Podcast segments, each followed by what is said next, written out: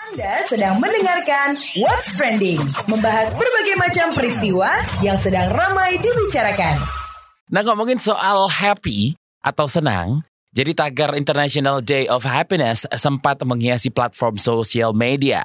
Ini seolah jadi penanda warganet memperingati hari yang mengingatkan mereka untuk tidak lupa bahagia. Ya, ini harus catat ya, untuk tidak lupa bahagia. Karena setiap tanggal 20 Maret orang-orang di seluruh dunia itu memperingati hari kebahagiaan ini. The World Happiness Report dikeluarkan oleh The Sustainable Development Solution Network atau SDSN untuk mengukur tingkat kebahagiaan negara-negara di dunia. Catatan dalam laporan tersebut untuk tahun ini adalah bahwa pemerintah di tiap negara harus menempatkan kebahagiaan lebih serius jika mereka ingin tetap mempertahankan kekuatannya. Selain itu, simpulan lainnya adalah sosial media sem sempat membuat anak muda tidak bahagia. Hmm. Jadi dalam laporan tersebut, dari 156 negara, Indonesia berada di peringkat 92 dalam ranking kebahagiaan tahun 2016 hingga 2018. Jauh ya, ranking 92. Wah. Sementara menurut Badan Pusat Statistik sendiri, indeks kebahagiaan Indonesia tahun 2017 itu sebanyak 70,69 pada skala 0 sampai 100 berdasarkan hasil survei pengukuran tingkat kebahagiaan. Indeks kebahagiaan Indonesia tahun 2017 merupakan indeks komposit yang disusun oleh tiga dimensi yaitu kepuasan hidup, life of satisfaction, perasaan atau efek, dan makna hidup atau eudaimonia. Kita ya. Jadi yang bakal kita obrolan pagi ini adalah bagaimana upaya bahagiakan diri di tengah situasi yang tidak mendukung ya namanya juga hidup ya. Tempo-tempo senang tempo-tempo sedih tempo-tempo uh, murung gitu loh. Ada aja yang dipikirin ya. Kalau saya sendiri sih ya kalau ketemu teman lama atau siapa pun itu nanya Hai apa kabar? Are you happy now? Nggak nanya udah menikah? Udah punya anak? Udah punya rumah? Atau udah punya mobil? Jangan ke mana-mana, KBR Pagi akan kembali hadir menemani pagi Anda. Kita masih ngobrolin gimana sih upaya Anda bahagiakan diri di tengah situasi yang nggak mendukung. Di situasi yang mungkin tanggal tua seperti ini. di situasi yang mungkin Anda lagi uh, apa ya baru putus cinta ya. Lagi galau. Gimana sih cara Anda untuk tetap uh, upayakan bahagiakan diri ya? Wow, memiliki kesibukan serta masalahnya masing-masing berpotensi membuat tingkat kebahagiaan orang nggak tak sama satu dengan yang lain, maksudnya nggak sama gitu ya. Tapi dapat nggak dapat nggak sih tiap orang itu menjalani kebahagiaannya di keseharian hidupnya? Ada loh orang yang mungkin berbahagia untuk ngelupain masalah-masalahnya itu dengan menyibukkan diri, dengan bekerja seharian. Jadi nggak ingat tuh Ya, yang nggak ingat tuh seseorang yang membuat dirinya galau, nggak ingat tuh sama yang namanya masalah. Jadi dia harus bekerja setiap hari. Ada juga orang yang suka makan. Nah, Anda tipe yang mana tuh? Kalau saya sih kayaknya yang kedua kayaknya. Ya kalau lagi nggak bagi, kalau lagi memang lagi ada pikiran lagi apa, larinya ke makan, Jo. Ya. Seperti apa kira-kira kiatnya? Kita akan tanyakan kepada psikolog dan praktisi hipnoterapi ada Liza Marili Japri. Hai, selamat pagi Mbak Liza. Bagaimana membangun kebahagiaan dalam diri meski di tengah kondisi yang tidak membahagiakan nih? Sebenarnya kan memang kondisi ya kehidupan sekarang ya penuh dengan tekanan seperti ini kan, dengan sikut-sikutan, kompetisi, terus habis itu belum lagi situasi politik yang seperti sekarang. Nah yang namanya kebahagiaan itu sebenarnya bukan sesuatu yang bisa didongkrak, tapi itu adalah kata kerja di mana harus dilakukan secara konsisten tiap hari, dilatih sampai kemudian itu perlahan-lahan tuh kayak kita pupuk tanaman. Tiap hari dipupuk, disiramin, dirawat, dilihat mana yang bagian mati gitu kan, kemudian nanti diganti apa segala macam misalnya. Sampai kemudian nanti perlahan nanti dia akan tumbuh hijau, tumbuh subur gitu istilahnya. Nah, kebahagiaan juga begitu. Tiap hari kita harus pagi misalnya mengatakan bahwa saya memutuskan untuk bahagia misalnya. Terus habis itu postur tubuhnya juga harus berubah. Mereka-mereka yang depresi itu cenderung agak nunduk, kemudian agak bungkuk. Nah, postur tubuh tuh harus dirubah juga tegak berdiri, dada terbuka lebar, seakan-akan kita terbuka akan hidup, akan uh, cerita Tuhan buat kita gitu, bahwa apa pun yang terjadi saya siap menghadapinya, kemudian banyak senyum. Nah, ketika fisik kita berubah, itu biasanya dalamnya akan ikut berubah. Apa artinya nggak pernah sedih? Yang harus dipahami, orang yang bahagia itu bukan orang yang tidak pernah sedih, bukannya orang yang tidak pernah stres, bukan orang yang tidak pernah menangis misalnya.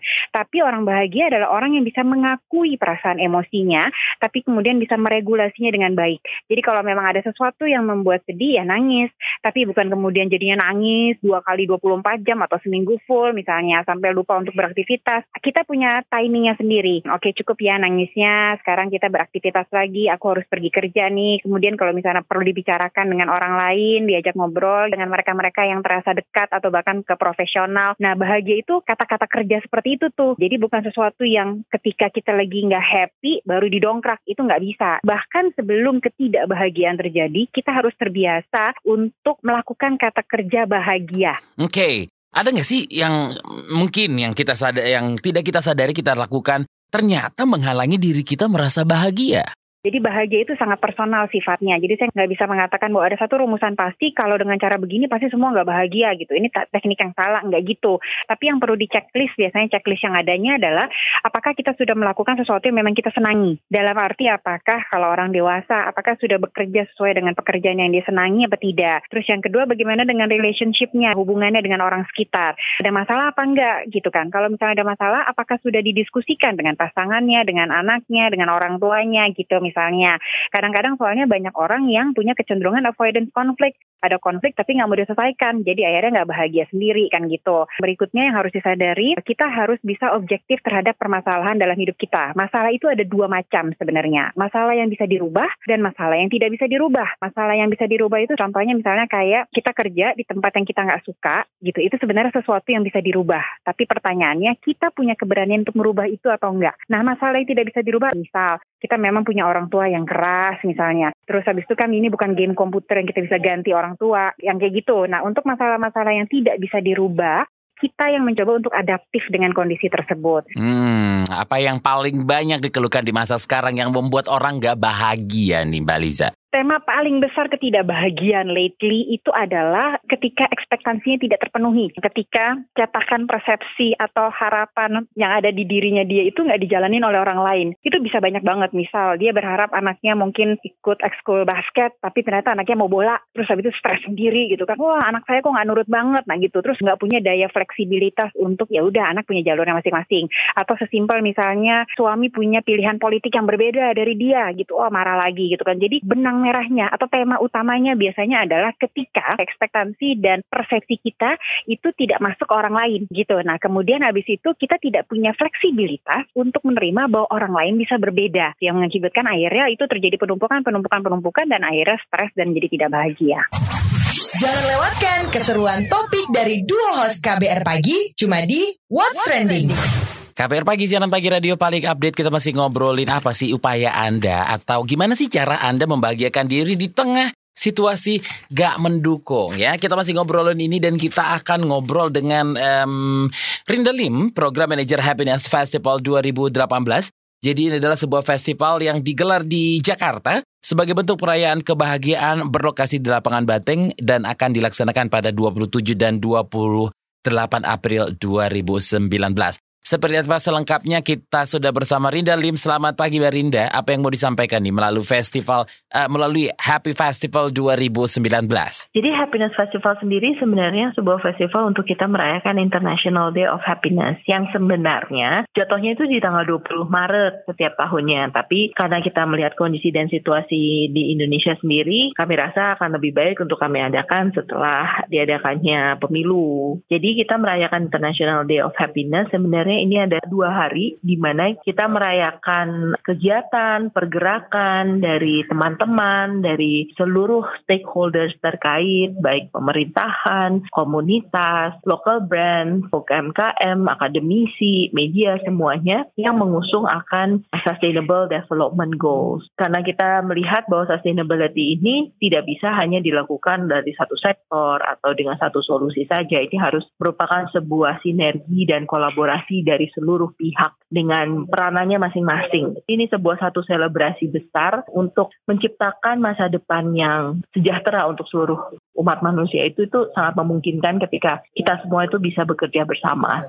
Oke, kalau acaranya sendiri rangkaiannya seperti apa Mbak? Banyak banget, aktivitinya itu bakal banyak banget. Nanti acara kita akan uh, diadakan di 27-28 April, itu di lapangan Banteng yang baru saja direnovasi. Jadi kita akan banyak sekali kegiatan dari workshop, workshop mengenai local wisdom kita seperti jamu, seperti rempah-rempahan, musik tradisional, atau menulis lagu, kreativitas, itu kita akan ada kegiatan workshop, lalu akan ada kegiatan dialog untuk mengenal apa uh, purpose hidup kita, mengenal siapa diri kita dengan lebih mendalam, apa peranan kita dalam sebuah society, bagaimana kita melatih empati kita dalam sebuah konteks isu baik lingkungan ataupun sosial, terus ada juga mengenai bisnis sebagai motor untuk perubahan. Yang nyata di dunia, kita ada social eksperimen, jadi kita akan lebih banyak interaksi-interaksi di mana akan ada permainan-permainan yang akan melatih mengenai toleransi, belajar saling mengenal satu sama lain. Banyak juga ya caranya. Nah, kalau soal pengisi acaranya siapa saja? Kita akan ada komunitas-komunitas mengusung um,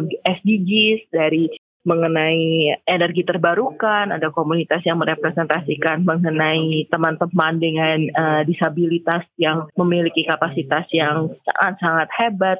Lalu kita ada lokal-lokal UKM juga yang mengangkat produk-produk yang ramah lingkungan, produk-produk yang sustainable dari ethical fashion, dari organic food, dari beauty care atau personal care yang yang lebih sehat, healthy, dan organik, makanan-makanan lokal yang mengusung kekayaan biodiversity kita, hampir 94 kegiatan dari dialog, workshop, performances, lalu tentunya kita juga ada artis-artis yang akan perform juga seperti Mas Glenn Fredly, juga ada Moka, Endah dan Reza, dan masih banyak lagi. Oke, terima kasih Rinda Lim, Program Manager Happiness Festival 2019. What's Trending? Membahas berbagai macam peristiwa yang sedang ramai dibicarakan. Saya Don Brady pamit. Jangan lupa bahagia. Have a nice weekend. Bye-bye. KBR, inspiratif, terpercaya.